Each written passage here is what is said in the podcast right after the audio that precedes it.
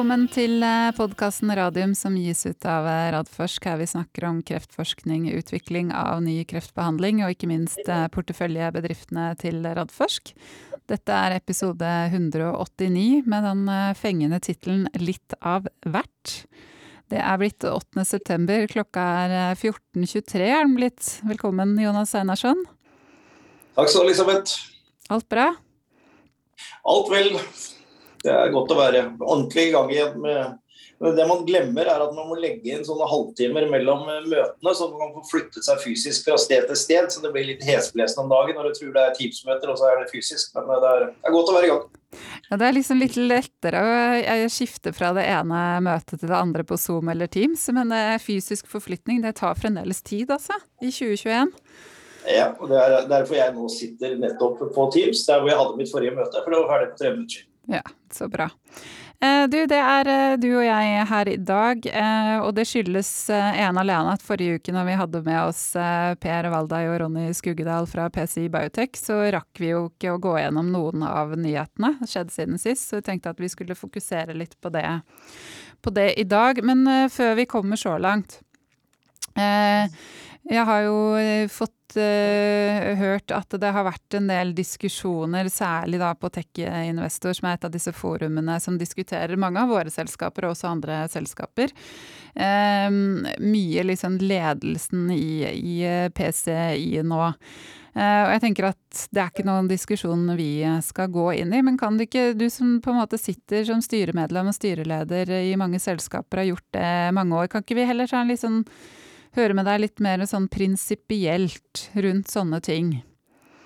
Jo, jeg er jo en ihuga fotballfan og, har stått på tribunene hos Kanarifuglene ute i Lillestrøm i mange år eh, tidligere. Ikke så mye tid til det nå, men der er det jo liksom tre, tre tap etter hverandre, så roper jo hele Kanarifansen styret må gå. Så det er jo egentlig litt sånn eh, sammenlignbart her. Og det er klart, eh, medlemmer i en forening som er i Lillestrøm, og investorer i eh, et selskap, skal selvfølgelig ha meninger om eh, styret og styrets sammensetning. Eh, og Det er derfor vi har nominasjonskomiteen. Jeg sitter i noen av de, og vi snakker jo med alle i den forbindelse med investorer som henvender seg til oss, og, og, tar også kontakt eh, aktivt til spesielt store investorer for å høre hva de mener om styrets sammensetning, kompetanse og hvordan jobben gjøres. Men der, der, liksom, det er ends the buck for meg i forhold til, til, det. Jeg er også styreleder i noen selskaper. Der er det min jobb å ansette eller avsette. Eh, en eh, CEO. Eh, de, de, som er under CEO, det prøver jeg å legge meg minst mulig opp i, for det er det du har delegert til en CEO i et selskap. Men det er, det er jo styrets, styrets, ansvar. og så kan man jo godt mene noe om ledelsen også, og, og, uttrykke det. Jeg har ingen problemer med det. Og at man blir litt frustrert til tider i denne bransjen, har jeg full forståelse for. Så jeg har all respekt og forståelse for det. Men jeg kommer aldri til å uttale meg om hva jeg mener om eller om en CEO i et av våre porteføljeselskap som ikke jeg har ansvaret for, skal, skal fortsette eller ikke. Mm. Nei, og det tenker, er, eh, det tenker jeg er, en fair linje å legge seg på. Men, men prinsipielt, altså, som styreleder, hva, hva må en Altså, hva skal til for at du skal avsette en CEO? Jeg mener det er jo en veldig alvorlig avgjørelse Altså på en måte Hva skulle være et grunnlag, sånn som du ser det, for å gå til et så drastisk skritt? Alle CEO-er i den type selskaper har, har, den type avtaler. at Hvis de får beskjed om at de ikke har tillit eh, fra styret lenger, så pakker de pent sammen saken sin og går og utløser sin uh, avtale. Mm. Som de har. De, de, frasier seg alle rettigheter til sånn uh, rettslig, at du må ha skriftlig advarsel og alt dette vi har lest nå, spesielt rundt det der hoppsjefbråket eh, nå, det eksisterer ikke her. For det tar man hensyn til. og Alle CEO-er eh, som går inn i sånne roller, de vet de, hvilket game de er i. Eh, så, sånn sett er det. Men, men til spørsmålet ditt sånn direkte.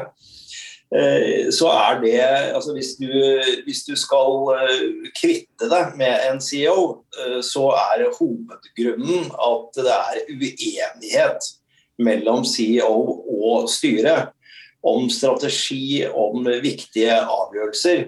Uh, og da, da, da, er det det som regel som, som uh, spisser seg. Vi prøver nå, er nå stort sett så heldige at de, de, de vi ansetter i år, så lenge de følger styrets strategi, så er de jo, er de jo fungerer det veldig bra. Uh, og så er det også en CEOs privilegium å si at uh, jeg hører dere sier det og skal ha dette vedtaket, men det er det vanskelig for meg å gjennomføre, for jeg er uenig i strategien dere legger opp til. Og da blir man som regel bare enig om at da skiller man lag. Men mm. det, det, går på, det, går på, denne strategien. Ellers så uh, gjennomføring av strategi og være enig i det. jeg har aldri vært borti noe at noen CEO-er har gjort seg bort, sånn at man må liksom si de opp av den grunn. Nei. Mm. Ja, og bare en sånn derre det var en kommentar på Twitter eh, forrige uke også i forbindelse med podkasten vår, at det var en som følger, eh, følger, oss og flere av selskapene, som var litt sånn at han nesten ikke trodde han turte å høre, høre da på forrige ukes episode med PCI Biotech, for de hadde så engasjerte, engasjerte aksjonærer. Så han var litt sånn Så jeg, jeg tenkte... PCI, har svært engasjerte aksjonærer, og de er kjempebra. Det er jo det. Jeg, jeg syns det er veldig, veldig positivt. og det er klart at jeg har hatt problemer. Vi, vi klarte ikke å lande disse, denne AstraZeneca-avtalen som det, vi, vi, alle vi som er selskapet hadde håpet på. Og de er blitt ramma hardere i rekrutteringen enn kanskje noe annet selskap. Så det er, det er klart man blir frustrert av å få stadige utsettelser og med et uh, behov for, for, mer kapital, som legger jo et lokk på denne kursen vi gjerne vil sette i været i forhold til emisjonsspøkelset, Så jeg har ingen problem med å forstå at man er frustrert. Uh, men, men, sett fra min side så er jeg fortsatt uh, rimelig trygg på at de kommer til å gjennomføre release-studien. og når man da går, til, går tilbake i en litt sånn frustrert situasjon og ser igjen på dataene de har produsert tidligere, så blir jeg liksom litt mer sånn Ja, det kommer seinere, det tar lengre tid, det koster mer penger, men eh, jeg har fortsatt tro på at de, det blir bra data. Mm. Bra. Da skal vi gå videre til uh, nyhetene fra porteføljeselskapene. Vi kan begynne med Photocure, som har kommet med en rekke nyheter. Vi kan begynne med det at de har kjøpt tilbake rettighetene til salg og markedsføring av Hexfix Sysview i Canada. Eh, var det noe du hadde sett for deg skulle komme, Jonas? Ja, nei, jeg kan ikke si liksom sånn være etterpåklok og si det, men samtidig så ser jeg jo at det er en del av strategien deres nå. At de vil ha kontroll over, over, dette produktet. Og at de selv mener de nå er blitt så gode på å markedsføre det og gjennomføre installasjonen av skop og, og få eventuelt brukerfrekvensen enda, enda mer opp. At de de føler de har mer igjen for det uh, ved, ved, å ta kontrollen. Som de også jo, gjorde med, med, Ibsen. Så det faller liksom inn i strategien deres. Mm. Og så er det jo kanskje veldig naturlig i forhold til det, altså den utbredelsen de har i, i USA, og så på en måte slå sammen så de nå har kontroll i hele Nord-Amerika ja da, så hvis du er en sexrep i New York, så er det ikke langt til Toronto. Altså, så det går jo sikkert an til å gjøre en del synergieffekter der også. Mm. Eh, den andre nyheten deres er jo også fra, fra Canada. At uh, det er en av disse Hva er det de kaller det for noe i, i Canada? Er det områder eller distrikter eller Jeg er litt sånn usikker. De har en sånn inndeling som ikke er stater. Ja. Eh, men i hvert fall at den ene der, da, Ontario Health, de anbefaler um, nettopp at det offentlige skal gå inn og betale for uh, førstegangsbruken da, av Hexvix uh, Sysview. Uh, og som de også da skriver i meldingen da, Fotokur, at det her kan jo da eventuelt åpne for at andre regioner i Canada går inn og sier det, sier det samme. Det er veldig positive nyheter. Det er kjempeviktig.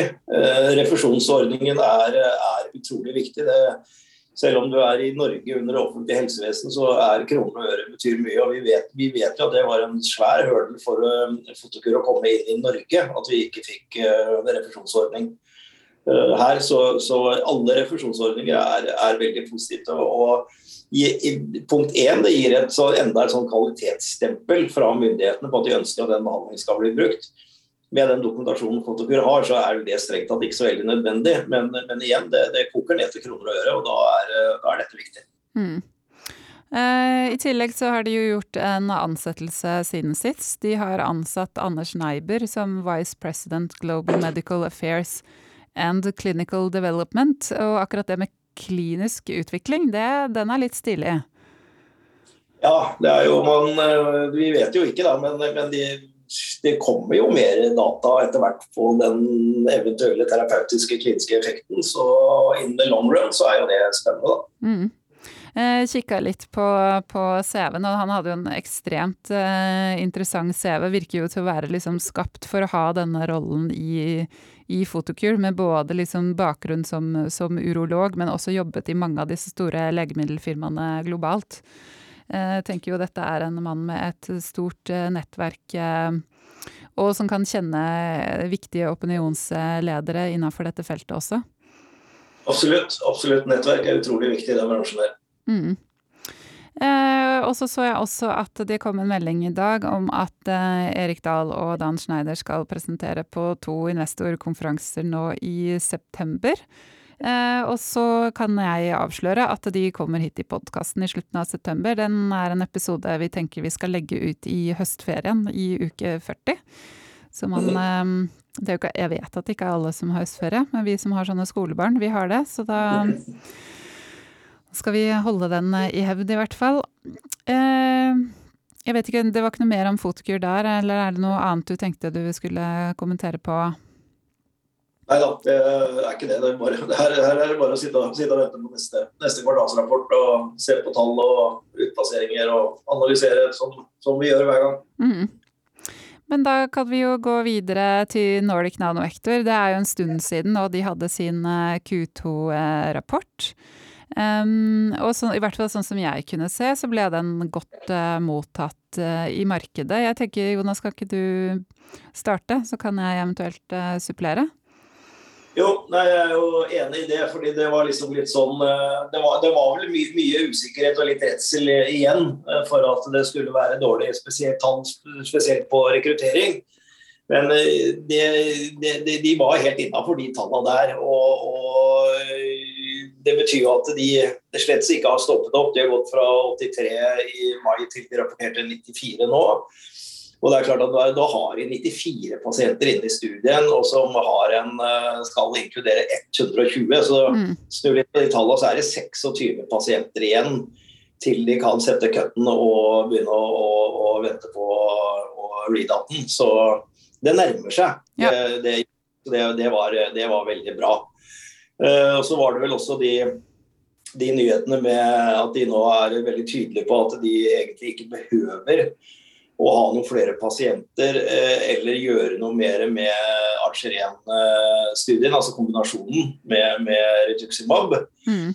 Eh, men at de nå starter egentlig å profilere og, og posisjonere den eh, for å bruke den type data, som kanskje sikkert må gjøres mer av etter hvert, men, men, for å dokumentere at de kan få flytta det inn i annen linje mm. i, i follicular lymphoma. Det, det er jo veldig bra hvis de klarer det. Og det tror jeg at hvis de først kommer på markedet eh, og blir godt mottatt, så tror jeg den veien ikke er så lang. Mm. Ja, og så syns jeg det er veldig spennende at de eh, skal ha en R&D-dag i, i, Oslo i løpet av eh, høsten. Det er i hvert fall det de, de planlegger for. Altså man, man, må jo bare ta alle forbehold med, med korona nå. Det er ganske ja. Ganske heftig, eh, i hvert fall på sånne skoler og sånt nå i, i Oslo for tiden. Um, men eh, jeg tenker jo veldig spennende å se der hva nettopp de presenterer rundt planene sine for, for altså den kombinasjonen de har da med, på Archer 1 med betalutin og, og Rutuximab. Ja, jeg tenker at de må utdype det eh, på den R&D-dagen. Og også om de har noen da mer tanker om uh, hvordan de blir kommersialiserbart klare med, med betalutinen. Så det skal bli spennende, det. Eh, jo, det som jeg syns var litt spennende her, Jonas, er jo nettopp at de sier så tydelig at de har fokus eh, nå på, sånn som Archer 1 eh, og Limerick 3705. Eh, for det tidligere så har det vært sånn at de, nå skal vi fokusere på paradigme, og det, det, er det eneste som gjelder. Det er vel litt nye, nye takter? Ja, og da tenker jeg liksom at De nå begynner å føle seg komfortable med at de har klart å komme seg gjennom eh, de hiccupsene med, med rekrutteringen. og At dette nå går, går, i den rette retningen. og at Da er det på tide å kunne koble litt ressurser på dette igjen. Mm. Det er uh, veldig bra. Um, ellers så så jeg at uh, Patrick Ling i DNB, analytiker, han anbefaler fortsatt å kjøpe Nordic, men han satte ned kursmålet fra 36 til uh, 31 kroner da, pga. utsettelsene og, og, det han kaller ledelsesutfordringer. Og det, det, kan man jo ikke skyve under en stein at de, at de har. jeg så vel at i dag så omsettes Nordic for 24 kroner, så de skal vel opp derfra? Vi får eh, virkelig håpe det. Ja. Eh, da kan jeg også avsløre at vi skal ha med oss eh, Marlene Brodberg, som da er TFO og interim-CEO i podkasten 29.9. Så da gleder vi oss til å høre mer fra henne også. Kanskje hun kan avsløre en dato for RD-dagen. Det hadde vært fint. Eh, hvis vi går videre, så er det jo Targovax. Eh, de har jo fått en presentasjon eh, godkjent, eller tatt opp da på ESMO, som er forkortelse for European Society for Medical Oncology. Hvor de skal presentere data på fase 1-studien av Onkos 102 i kombinasjon med pembrolizumab i pasienter da med malignt melanom som ikke responderer på behandling av sjekkpunkthemmere. Kommentar? Ja, nei, Det er kjempefint at de kommer gjennom og får, får, presentert. Og det skal bli spennende å se det. fordi det går ut fra at det er en del litt sånn juicy smådetaljdata som kommer fram der. som vi, Det er jo bare topplinjer vi, vi, har til nå, så, så, vidt jeg vet. Så det er spennende, alltid spennende. Mm. De legger ut abstrakte 13.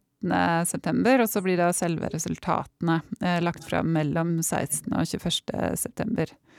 Men hvor viktig tenker du det er for selskapet å få den type eksponering på Esmo i den fasen de er nå? Jeg tror det er kjempeviktig, for det er nettopp oppmerksomhet man, man trenger i den, i den, fasen de er nå. Og å få videre, bygd videre på nettverkene sine, både med, med Key Opinion Leaders og potensielle partnere innenfor farmasi. Så nå er jeg litt usikker på om den, den er vel antagelig virtuell den òg, men uh, da mister du litt av den nettverksbiten. Men uh, det er alltid viktig å få eksponering på de store konferansene, og Esmo er stor. Den, jeg har vært på den en gang. Mm. Så bra. Eh, da kan vi gå videre til Vaxibody. De har jo ansatt ny medisinsk direktør, Karstein Bruins Slott. Han har de hentet fra Roche Norge, der han hadde samme rolle.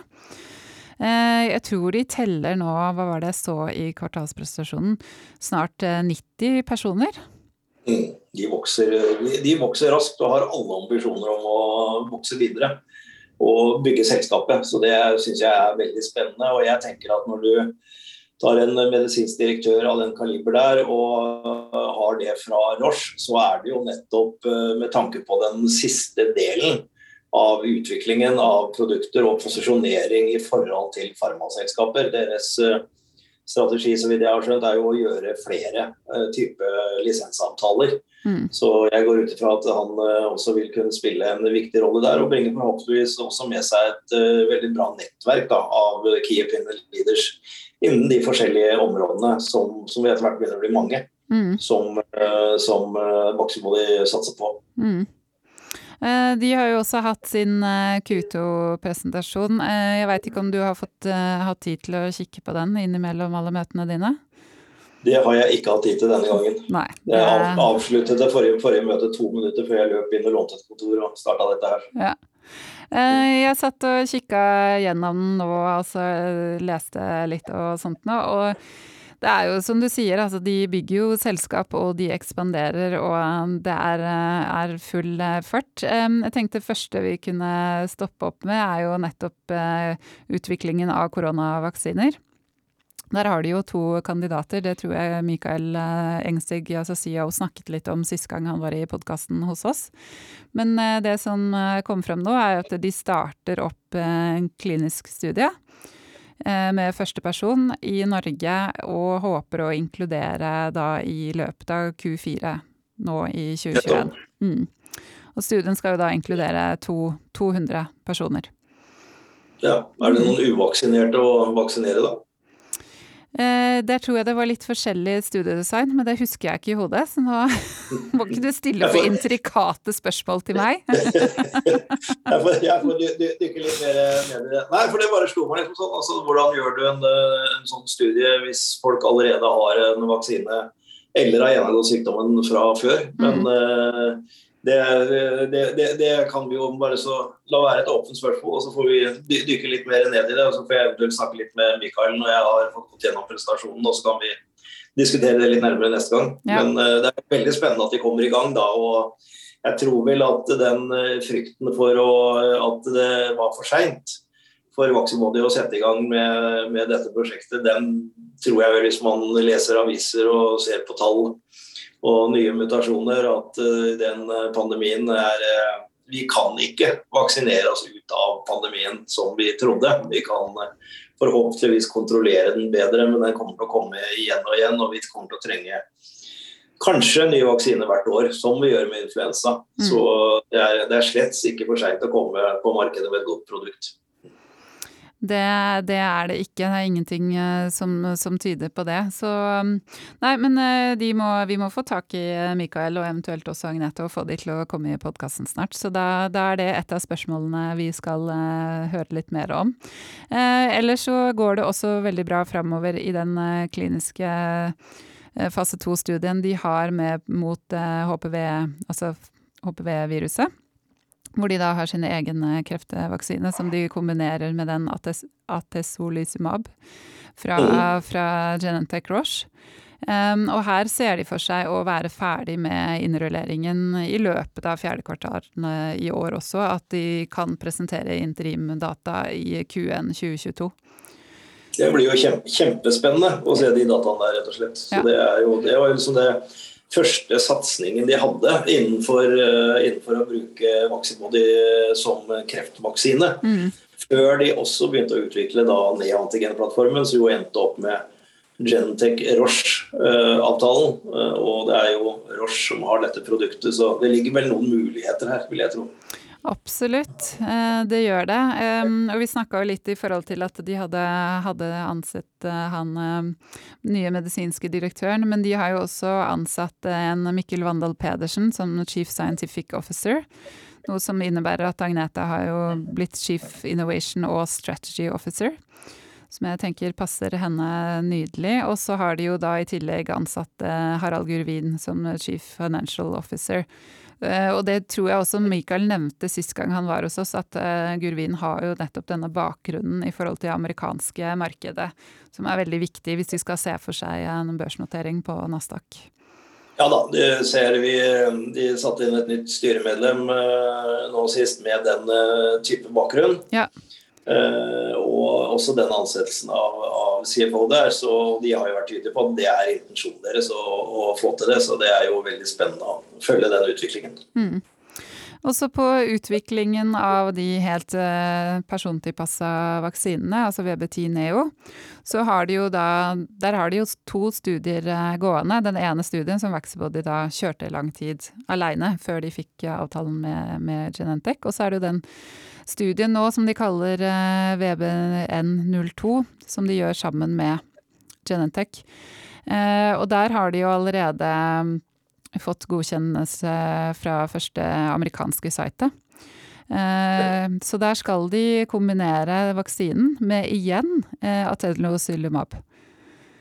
Så det er veldig spennende. Og de skal innrullere 40 pasienter i USA, Spania og Tyskland. Og det var snakk om mer enn ti indikasjoner, altså kreftindikasjoner, som de skulle teste det ut på.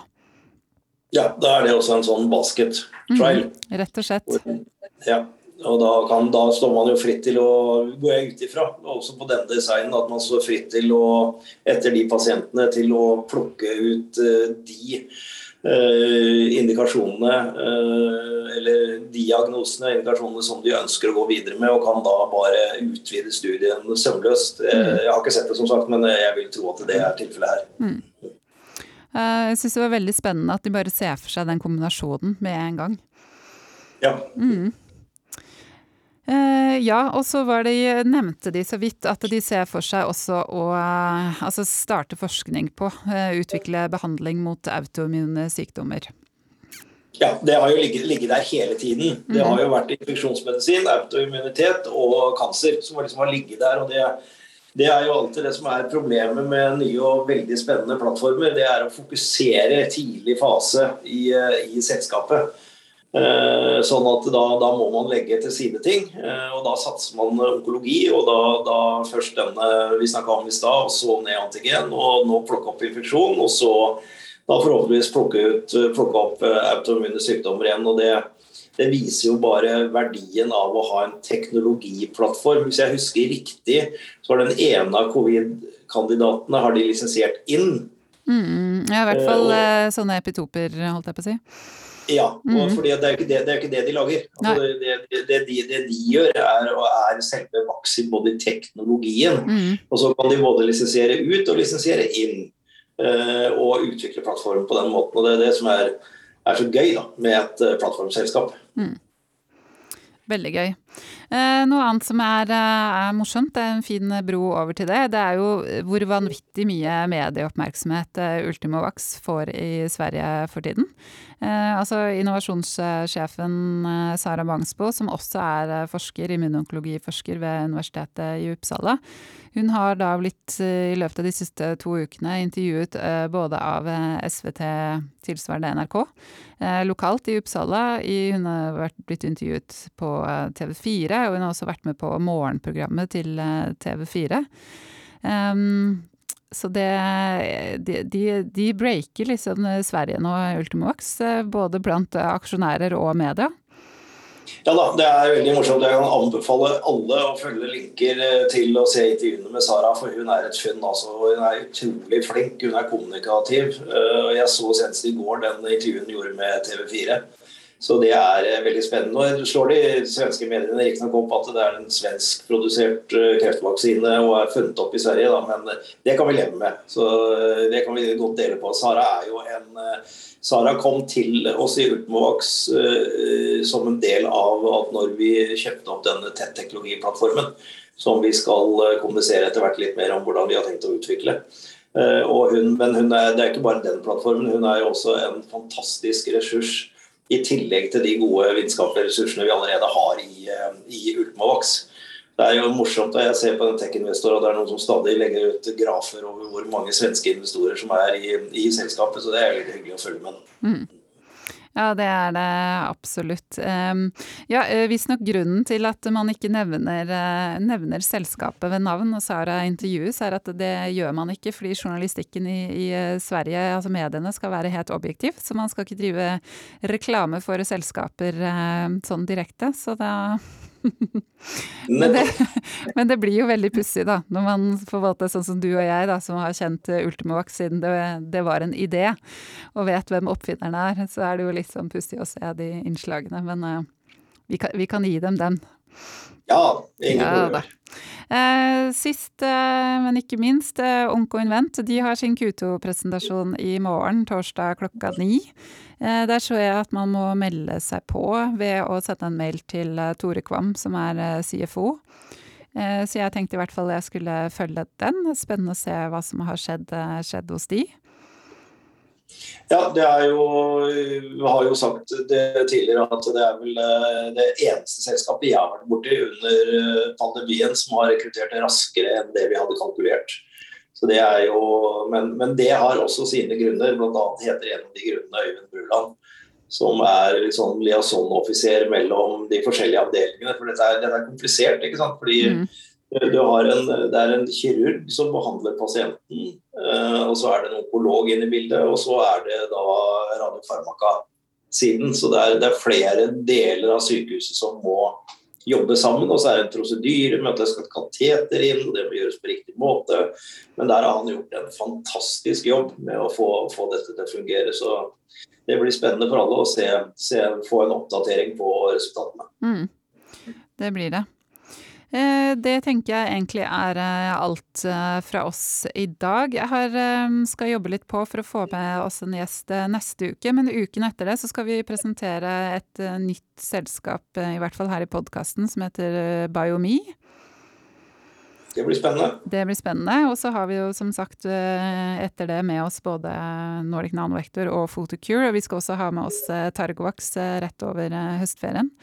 Så Og selvfølgelig til, til dere som hører på oss, hvis dere har ideer eller innspill på personer dere ønsker at vi skal invitere, så er det bare å komme med det. Jeg vet det er mange som har ønsket seg ny, ny CEO i Bergen Bio, men han tenker jeg må gi, vi må gi han litt tid til å sette seg i selskapet før vi skal ja. invitere han inn. Mm. Veldig bra. Ja, så bra. Da får du haste videre dine, på dine fysiske møter. Det skal jeg gjøre. Ja. Takk for i dag. Takk for i dag. Ha det.